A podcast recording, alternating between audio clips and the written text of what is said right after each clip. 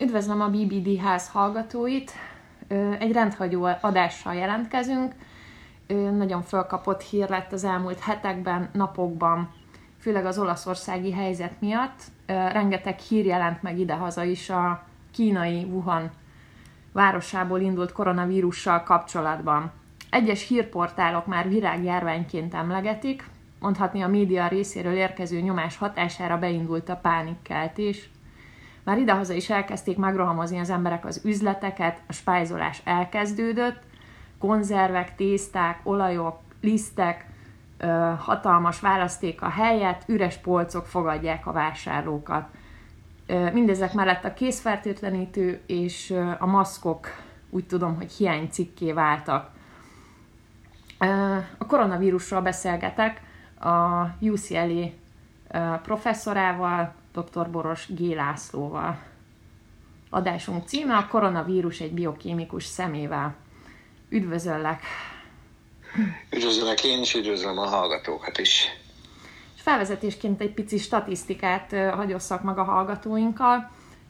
Tegnapi adatokon a, a WHO adatain alapul, úgy tudom, hogy eddig 82.300 megbetegedés történt világszerte, melyből 2800 ö, ember ö, halt meg.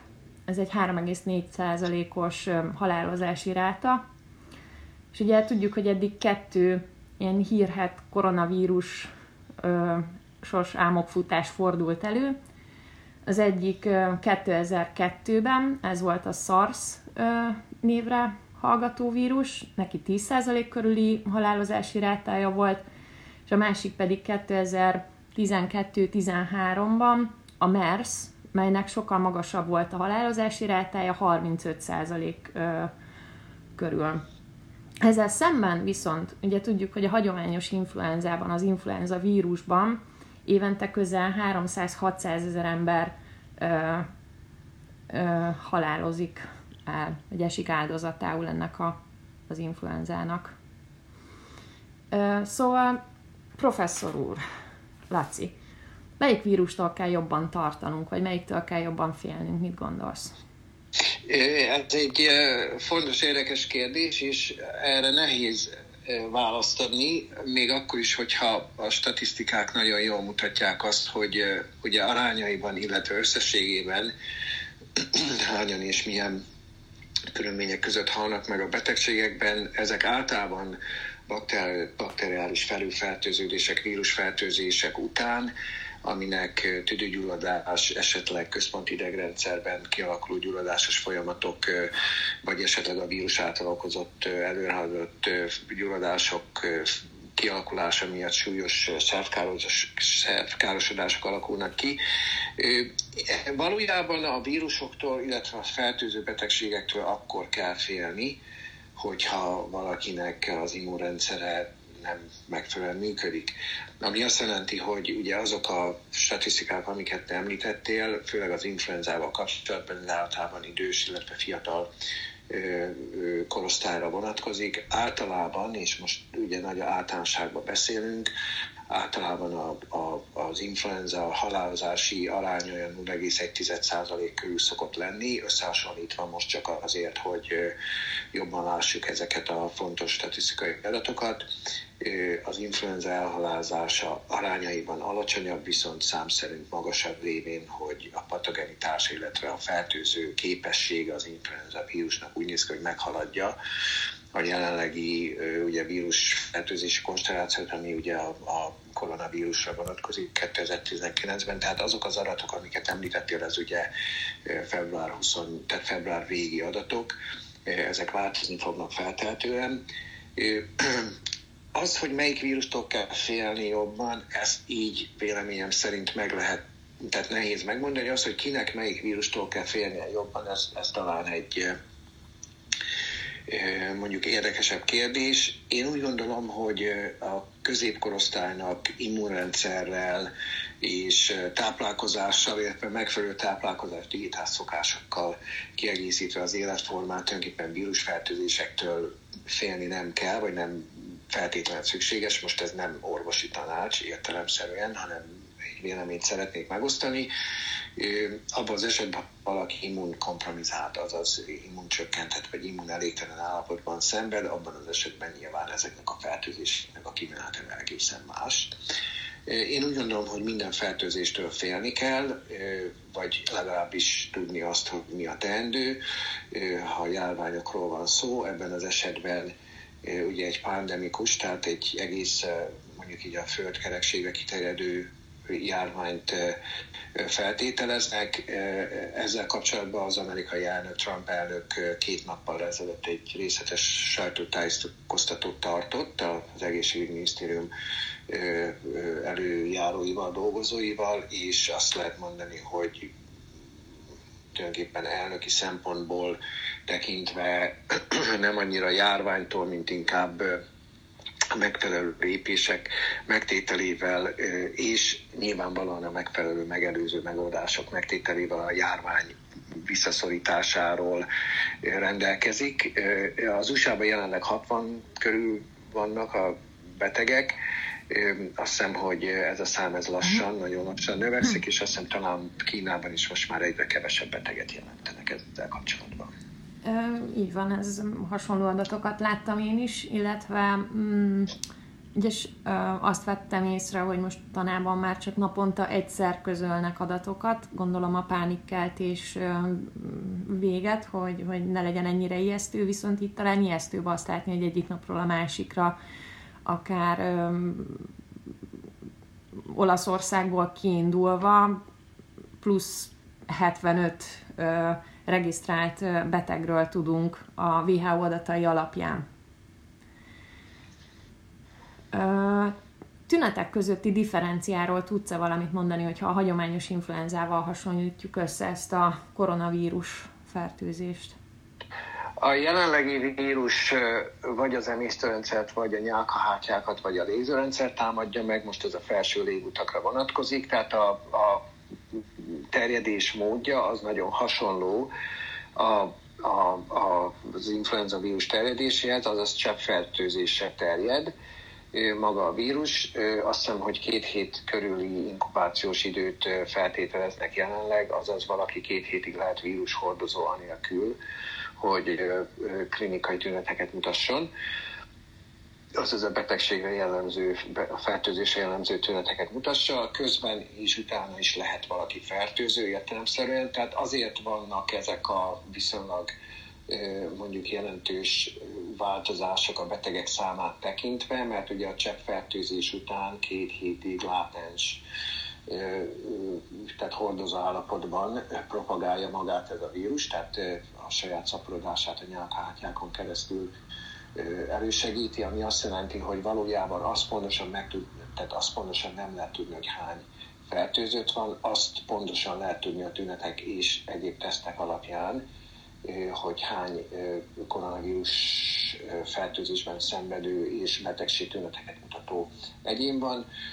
Okozhat nyilván felső légúti és emésztőrendszeri, azaz hasmenéssel vagy ugye konstipáció, váltó has, uh-huh. súlyos hasmenéssel uh-huh. jellemezhető elég változatos korkép is kialakulhat, uh-huh. tehát, tehát valójában itt a betegség lefolyását tekintve egy tipikusan ugye egy influenzára vagy felső légúti cseppfertőzéssel terjedő betegségről van szó, ami klinikai tünetek alapján ugye gastrointeszinálisan az emésztőrendszeri rendszeri tüneteket is mutathat, ez egyébként az influenzára is jellemző. Mm. Tehát akkor, általában. tehát akkor mondjuk így az elsődleges tünetek alapján nagyon nehéz megkülönböztetni így egy laikusnak, hogy akár most sima influenzám van, vagy, vagy a koronavírus fertőzést kaptam el, mert a kezdeti igen, tünetek azok igen. nagyon hasonlítanak. Igen, igen, így van. Tehát azt megmondani az elő, a, a kezdeti tünetek alapján, hogy melyik légúti fertő, melyik típusú vírus légúti fertőző betegséget kapta el valaki, ez nagyon nehéz. Vannak sajátos különbségek, amit szakorvosok, vagy akik sok megbetegedést láttak, könnyen meg tudják különböztetni, de általában a, a, az elsődleges tünet sor az meglehetősen hasonló a két betegség esetében keresztezheti egymást ez a kettő vírus? Úgy értem, mutálódhat ebből egy harmadik típusú? Mert ugye tudom, rengetegen karanténban vannak. Van, hát aki koronavírussal, van, aki sima influenzával esetleg, de hogy ott... Igen, azt nem hiszem, hogy a két vírus közvetlenül genetikai információt, anyagot, anyagot ki tudna cserélni, sőt azt hiszem, hogy a két vírus fertőzés az tulajdonképpen egymást valamelyest kizárja, azaz ha valaki influenzában vagy már esetleg koronavírus fertőzésben szenved, akkor kevesebb vagy kisebb a valószínűség annak, hogy megkapja a másikat. Pontosan ezért van az, hogy megpróbálják diagnosztizálni pontosan az, hogy influenzáról vagy koronavírus fertőzésről van szó, mert nyilván mhm. az ezzel kapcsolatos intézkedések, pont a betegség, patogenitás, az a betegség okozó és ugye a szövődményeket okozó mondjuk kapacitás vagy, uh-huh. vagy, vagy súlya a két fertőzésnek más, azaz a koronavírus az egy sokkal súlyosabb fertőzésnek uh-huh. számít jelenleg. Mi beszéltünk arról, hogy egy-két hétig nem mutat tüneteket a, a, az egyén, viszont a reptereken, mm, egyes irodaházakban pánikelt és nem pánikelt, és gyanánt elkezdték a lázmérést. Mennyire, mennyire tartod ezt hatásosnak? Igen, a, a, a lázmérés az már a tünettel együtt, vagy a tünetekkel együtt járó betegség, vagy betegek kiszűrésére vonatkozik. Nyilvánvalóan addig, amíg nincs ugye a, a betegségnek klinikai tünete, azaz most konkrétan a lázról beszélünk, addig ezek a módszerek, ezek alkalmatlanok. A szűrésre viszont, ha valakinek van hőemelkedése vagy láza, azokat ki tudják így ilyen formán szűrni, el tudják különíteni, a megfelelő diagnosztikai tesztekkel meg tudják állapítani, hogy ki szenved koronavírus fertőzésben. Az kétségtelen, hogy hogy ezzel magával, ezzel az eljárással, vagy magával ezzel a módszerrel nem lehet megakadályozni teljességgel a vírus fertőzés terjedését, az kétségtelen valamelyes segít uh-huh. a járvány mondjuk így kontrolltartásában, de az kétségtelen, hogy nem ez a megoldás. Úgy tudom, hogy ugye most már egyre több laborban végeznek koronavírus tesztet, de mégis milyenek ezek a koronavírus tesztek? Erről van esetleg információt, hogy, hogy mit mérnek, milyen mintát vesznek? Igen, a, a, a vírus többféleképpen kimutatható, és ez most már ugye az immunológiai diagnosztika előrehaladásával viszonylag ez az egyszerűbb része a járvány megelőzésnek valójában tesztekkel kiszűrni azt, hogy valakinek van-e vírusfertőzése, azaz van-e ellenanyag a szervezetében a vírussal szemben. Ezt is ki lehet mutatni többek között, illetve ki lehet mutatni bizonyos vírus partikulákat, azaz bizonyos vírus elemeket, ki lehet mutatni magát a vírust is a vérből. Ennek megvannak a sajátos ugye immunológiai, illetve ezek olyan eljárások, amiket inzum enzimhez kötött ugye, reagensekkel végzünk, tehát specifikusan, tehát sajátosan ki lehet mutatni a vírus részecskéket, ki lehet mutatni a vírussal szemben termelődő ellenanyagot, ki lehet mutatni a vírus bizonyos fehérjéit, a, vírus bizonyos fehérjéivel szemben termelődött ellenanyagokat, tehát tulajdonképpen ezek a módszerek, ezek az immunológiai módszerek mind, uh-huh. és ezeknek a titer, tehát ezeknek az ellenanyagoknak, vagy a fehérjéknek a, a mennyisége, ez tulajdonképpen diagnosztikai uh-huh. értékű azzal kapcsolatban, hogy valakinek nem csak az, hogy van-e vírusfertőzése, hanem az mennyire súlyos, uh-huh. vagy hogy időben mennyi ideig állhatott ez fenn, nagy vonalakban ezekre lehet következtetni, de tulajdonképpen ezek megbízható jó tesztek. Én úgy gondolom, hogy ezek mind nagyon jól használhatóak a, a, a járvány terjedésének a mondjuk így kontroll vagy felügyelet tartásában, ezek valójában standard laboratóriumi eljárások. Uh-huh. És jól tudom, akkor nyál, nyál mintát vesznek, ugye? Igen, tehát nyából, plazmából, vérből, tehát nyából is ki lehet mutatni. Tehát valójában így van, tehát ugye mivel ez egy cseppfertőzéssel terjedő betegség, köpetből, mm. nem annyira nyál, mint inkább a köpet lehet jellemző. Arra vannak azon, vannak egy vírus vagy vírusfehérje részecskék, tehát mind vérből, mind nyából, mind köpetből, mind orváladékból, testváladékokból tulajdonképpen ezek a diagnosztikai tesztek elvégezhetőek. És ezek mennyi ideig tartanak? Tehát, hogyha valakinél elvégzik ezt a tesztet, mennyi idő, mire megjön az eredménye? Én úgy gondolom, hogy ez egy eh, napon belül megérkezik az eredmény, attól függően, hogy milyen eh, laboratóriumi háttér áll rendelkezésre, de általában ezek egy-két napon belül uh-huh. megérkeznek ezek az eredmények. Uh-huh. Ö, ugye említetted itt a fehérjéket, hogy ezt mérik a tesztekkel, itt a furinnak van esetleg jelentősége? Napokban a kezembe került egy, egy érdekes cikk, ami, ami tulajdonképpen erről a vírusról szól. Na, nagyon érdekes, így van. Bocsánat, hogy félbeszakítottalak. Semmi baj. Csak. Akkor a, így van, akkor a kérdést akkor így értettem. Tehát nagyon érdekes, hogy a vírusnak van egy sajátos, tulajdonképpen a szerzők úgy írják le, hogy peculiar, tehát egy, egy, egy rendhagyó, vagy a, a koronavírusokra, legalábbis erre a típusú koronavírusra, amiről szó van, nem jellemző az a forint típusú szerkezet, amit ugye megtaláltak a vírus ugye fehérjéi között, ami azt jelenti, hogy hogy ugye a vírusoknak a fehérjéi enzimaktivitása is rendelkeznek, ezeknek megvan a patogenitásban, az a vírus fertőző képességében meglévő szerepük, mert most ez a furin sajátság, ez a furinhoz, vagy furinra jellemző biokémiai sajátság, ez azért nagyon fontos, mert általában a furinnal rendelkező vírusok, és ezek között vannak jó néhányan, amelyek ugye betegséget okoznak, ezek uh-huh. tulajdonképpen központi idegrendszeri betegségek, patogenitás és lefolyás szempontjából a furin szerkezeteknek nagyon fontos szerepe van. Ez általában a vírusoknak a patogenitását uh-huh.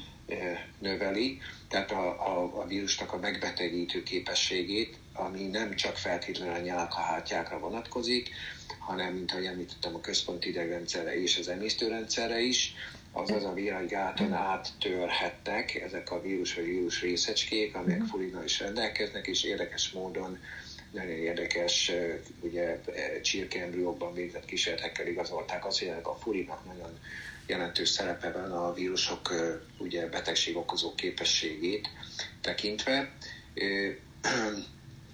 És érdekes módon, ha a vírust akár laboratóriumi, akár természetes mutáció eredményeképpen ezzel a furin analóg, vagy ezzel a furin megoldással, vagy ezzel a furin képességgel mondjuk fölvértezik, akkor, vagy a vírus fölvértezi magát, akkor megváltozik ezzel a patogenitása tulajdonképpen. Tehát azért érdekesek az újabb vírus vizsgálatok, amiről említést tettél, mert úgy néz ki, hogy ez a vírus, amivel jelenleg ugye járványszerűen foglalkozunk, amiről beszélünk, ez a koronavírus, ez rendelkezik egy olyan patogenetikai furinszerű tényező, fehér tényezővel, minek alapjában véve az lesz a, ugye ezek ilyen fehére komplexumok, amiknek a funkciója enzimatikus patogenitás, megbetegítő képességgel kapcsolatos. Úgy néz ki, hogy ez a vírus ezzel rendelkezik, ezért magas egyébként, uh-huh. magasabb az influenzánál a fertőző képesség, vagy a megbetegítő és a halálos szövődményeket okozó képessége, tehát általában azt lehet mondani, hogy ez a vírus uh-huh. ez egy megbeteg, egy, egy jelentősebb megbetegítő képességgel rendelkező vírus, a... és ebben a fúrinak szerepe uh-huh. van, hogy ez pontosan hogy került a vírusba, ezt nem tudjuk. A SARS és a MERS vírusok kapcsán ugye ott ott nem fertőződött meg ennyi beteg, hogyha jól tudom. Magas volt a halálozási arány, de, de nem volt 80 ezres fertőzés szám. Igen, ezt általában azt tudjuk elmondani, hogy általában a patogenitás, azaz a fertőző vagy mhm. megbetegítő képesség, és maga a, a, a fertőző képesség, az, hogy egy, egy vírus mennyire szélesen tud mondjuk így népességen belül megbetegíteni, és hány beteget tud megbetegíteni a népességen belül. Ez a kettő, ez fordított arányba áll egymásra. Tehát általában azok a vírusok, amelyek patogének, tehát súlyosabbak, azok mm. általában a fertőzés terjedését tekintve általában ezeknek problémásabb a, a, a terjedése Idővel nyilván a populáció, az a népesség alkalmazkodik az immunrendszerén keresztül ezekhez az új vírusokhoz. Ez igaz általában a vírusbetegségekhez, tehát aki egy vírusbetegséget kiállt, illetve szóló védelmet kap többségében. Ez most ugye ez az immunrendszer és a vírusok közötti nagyon érdekes interakciónak az eredménye. Mit gondolsz, mikorra várhatjuk ennek a koronavírusnak a, az igazi ellenszerét, vagyis a védőoltást hozzá? Lesz-e védőoltás? Előállnak-e a gyógyszercégek valamikor ezzel?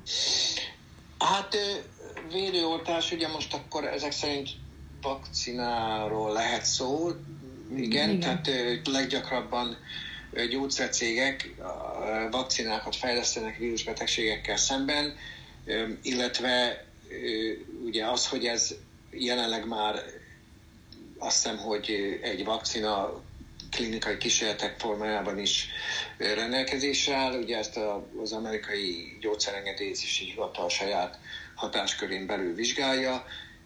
Én az elnök sajtótájékoztatójába úgy vettem ki, illetve az azóta eljutott információkba, ismertekbe úgy vettem ki, hogy ez talán 3-6 hónapot vesz igénybe hogy egy vakcinát állítsanak elő ezzel a, ugye a vírussal szemben, szemben, hogy aztán valójában ez a vakcina milyen lehetőségeket ad a védelemre, erre még klinikai adatok nincsenek, tehát ezt nem lehet megmondani, de az kétségtelen, hogy már elindult, megkezdődött a vakcina előállítása, és ez valószínűleg egy 3-6 hónapos uh-huh. idő intervallum lesz, hogy közben a járványjal, illetve közben a vírussal mi történik, vagy a vírus fertőzésekkel mi történik, nem akarok járványt emlegetni, mert ugye erre még nincs hát, alapjába véve ismeret. Bocsánat, egy picit, igen, egy picit most közben vágok. Mielőtt elkezdtük a podcastot, azelőtt olvastam a WHO oldalán, most már a, a magasról nagyon magas szintre emelte a, a a veszélye, veszélyét ennek a vírusnak, úgyhogy, úgyhogy lehet, hogy most már tényleg világjárvány lesz belőle. Hát azt nem tudom, hogy hogyan minősítik ezt, majd látjuk az el, elkövetkező néhány napban. Az kétségtelen, hogy minden fronton megindult a, a gyógyszeripar is rámozdult értelemszerűen a politikai, kormányzati, itt az USA-ból ugye ez most már egy jelentős politikai ugye, adok-kapok lett most az elnökválasztás kapcsán. A jövő évi elnökválasztási eljárások miatt ez most egy nagyon érdekes, illetve jövőre lesz új elnökünk, illetve ebbe az évbe szavazunk. Tehát a lényeg az, hogy itt azt lehet mondani, hogy ez egy gazdasági, politikai és nagyon fontos egészségügyi kérdés lett, hogy ez a vírussal mi történik. Megkezdődött nyilván az, a, az ellenanyaggyártás is, tehát ez a vakcinagyártás is, hogy ezzel kapcsolatban milyen rendelkezések, vagy milyen lehetőségek lesznek, ezt még nem tudjuk megoldani. Én bízom benne, hogy új elnökötök nem lesz, marad a régi. Na de, térjünk vissza a témához. Kik a veszélyeztetettjei ennek a korona, koronavírusnak? Mint általában minden vírusfertőzésnek általában az idősebb korosztály, általában a terhes anyák, mm. általában a fiatal korosztály, tehát gyermekek vagy csecsemők, azok, akiket védeni kell ettől a fertőzéstől, vagy legalábbis ezt javasolják. Alapjában véve minden vírusbetegségre ez elmondható, uh-huh. hogy akinek megfelelő immunrendszere van, általában a vírusfertőzésekkel tud, meg tud birkózni, akinek gyenge immunrendszere van valami ok miatt, azoknak nyilván megfelelő ellátásra van szükségük, akár a betegség kezelése, akár megelőzése szempontjából. Uh-huh. Uh, és lenne még egy utolsó kérdésem, hogy te, mint ketogén életmódot, deutérium csökkentett életmódot folytató biokémikus mit tanácsolsz, hogyan védekezzünk ez ellen. De rengeteg embert látok manapság Budapesten maszkkal rohangálni. Nem gondolom, hogy egy maszk megoldás lehet arra, hogy ne kapjuk el a vírust. Mit, mit tanácsolsz, mit, mit tegyünk? együnk. Igen, tehát, igen, tehát ugye ezek a tehát maszkszerű vagy kézmosással kapcsolatos megoldások fontosak lehetnek, főleg akkor, hogyha ugye mondjuk tömegközlekedést használ valaki, vagy mondjuk zsúfoltabb helyen fordul elő, tehát ezek standard módjai a fertőzés megakadályozásának, én sem tartom ezeket túlzottan mondjuk eredményesnek, de kétségtelen, hogy mindenképpen javaslandóak, főleg uh-huh. akkor, hogyha egy járványról van szó, tehát ezeknek a használatát mondjuk én is javaslom, én magam nem használom ezeket, de ez egy más kérdés.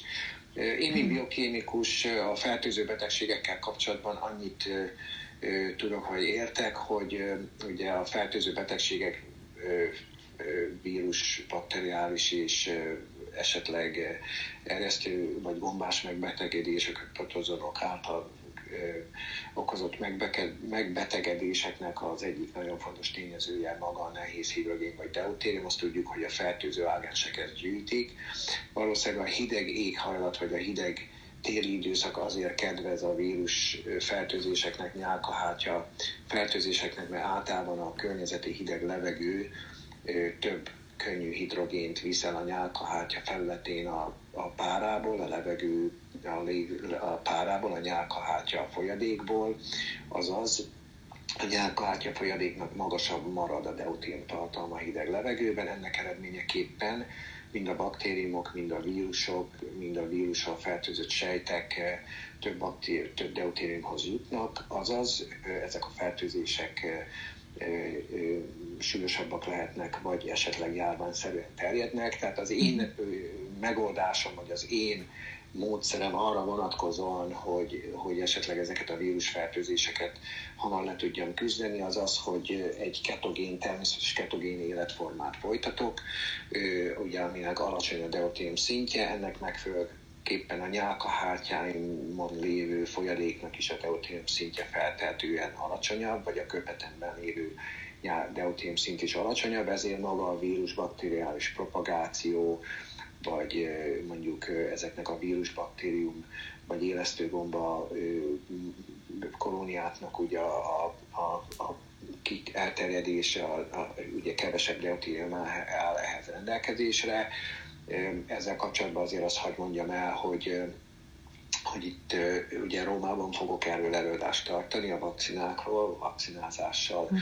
kapcsolatos fontos, ez április 18-án lesz a, a az olasz biológiai tudományos társaság hívott meg előadni vakcinákkal kapcsolatban. Én azt javaslom, és az előadásom is erről fog szólni, hogy biokémiai értelemben a deutérium szint táplálékon kerül, keresztüli szabályozásával, azaz természetes ketogén diétával, vagy deutérium csökkentett vízfogyasztásával feltételezhetően ennek a vírus bakteriális, tehát nem csak vírusfertőzésről van itt szó, hanem bakteriális és élesztő, vagy gombás fertőzésekről általában ezeknek a, a, a, a mondjuk lefolyása kedvezően befolyásolható. Én is ezt a módszert követem.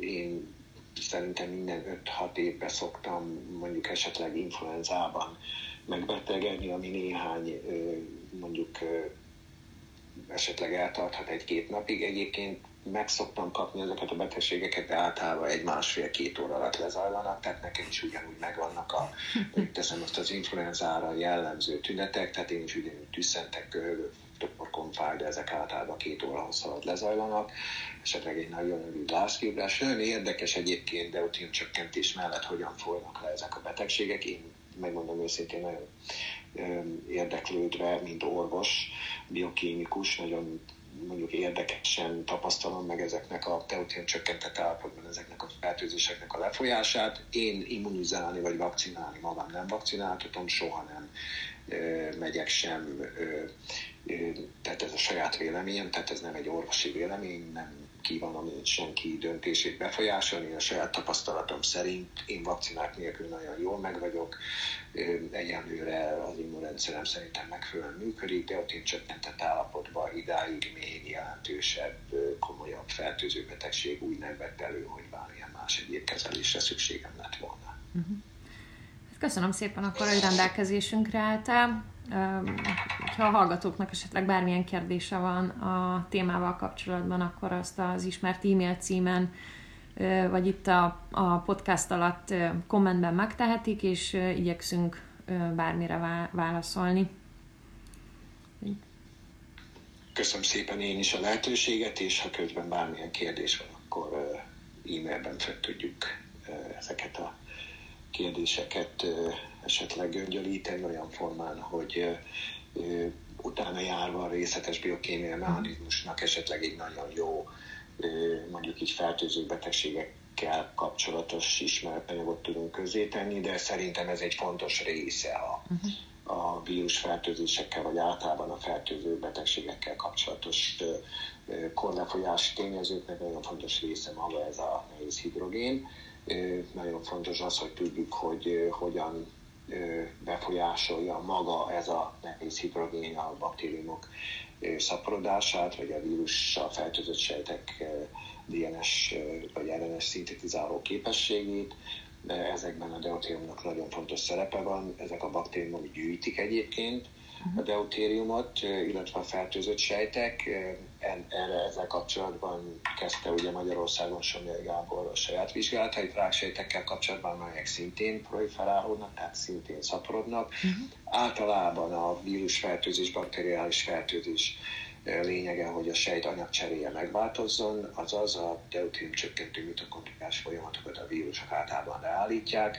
Ennek eredményeképpen egy nagyon úgymond anyagcseréjét tekintve megváltozott sej típussal állunk elő, amelyek deutériumot tartanak vissza vagy gyűjtenek, pont ezért az anyagcseréjüket ahhoz állítják, és ugye ez a glikolízis, tehát a glukóz lebontással, fehérje lebontással kapcsolatos anyagcsere profil a zsír égetés helyett, ugye, ami tudjuk, hogy deutérium csökkentő, tehát ezeket a biokémiai ismerve, szerintem a fertőző betegségekkel kapcsolatban is egy, egy jó vélemény, vagy egy jó stratégia csatolható a már meglévő uh-huh. fertőző betegségekkel szembeni mondjuk harc, vagy, vagy, vagy mondjuk orvosi ténykedés mellé. Ez nem helyettesíti ezeket értelemszerűen, de mindenképpen uh-huh. figyelembe vehetőek. Nagyon kíváncsian várom ezt a római előadásodat, megpróbálok majd ott lenni. illetve, ha csak le nem mondják, mert most úgy tudom, hogy egyre több eseményt mondanak le egyébként pont emiatt a koronavírus fertőzés járvány minden miatt igen. visszalépnek. Igen. Olimpia igen. szóba igen. került, hogy esetleg Azt, törlik. Igen. Azt, azt tervezem egyébként, hogy Magyarországon is fogunk egy rómaihoz hasonló előadást tartani a vírus fertőzések és az általában a fertőző betegségek és a bioké, ezeknek a biokémiai összefüggéseiről. Igen, azt, azt tudom, hogy ez egy érdekes ismeretanyag lesz, és nagyon sokat, érde, nagyon sokakat érdekel ez a téma, hogy egy biokémikus megközelíti orvosi biokémiai értelemben a fertőző betegségek eh, lényegét. Úgy néz ki, hogy a deutériumnak ebben nagy szerepe van, erről fogok beszélni Rómában, és szeretném majd mindenképpen eh, egy szélesebb körben ismertetni, de a lényeg az, hogy valójában ezeket az ismereteket hozzá lehet csatolni, mm. nem helyettesítve a jelenleg már meglévő orvosi gyógyászati ismeretekhez, és ezeket kiegészítve szerintem a vírusfertőzésekkel vagy a fertőző betegségek kell szemben sokkal jobban felvehető uh-huh. harc. Nagyon szépen köszönöm. Köszönöm szépen én is, szervusz. Szia.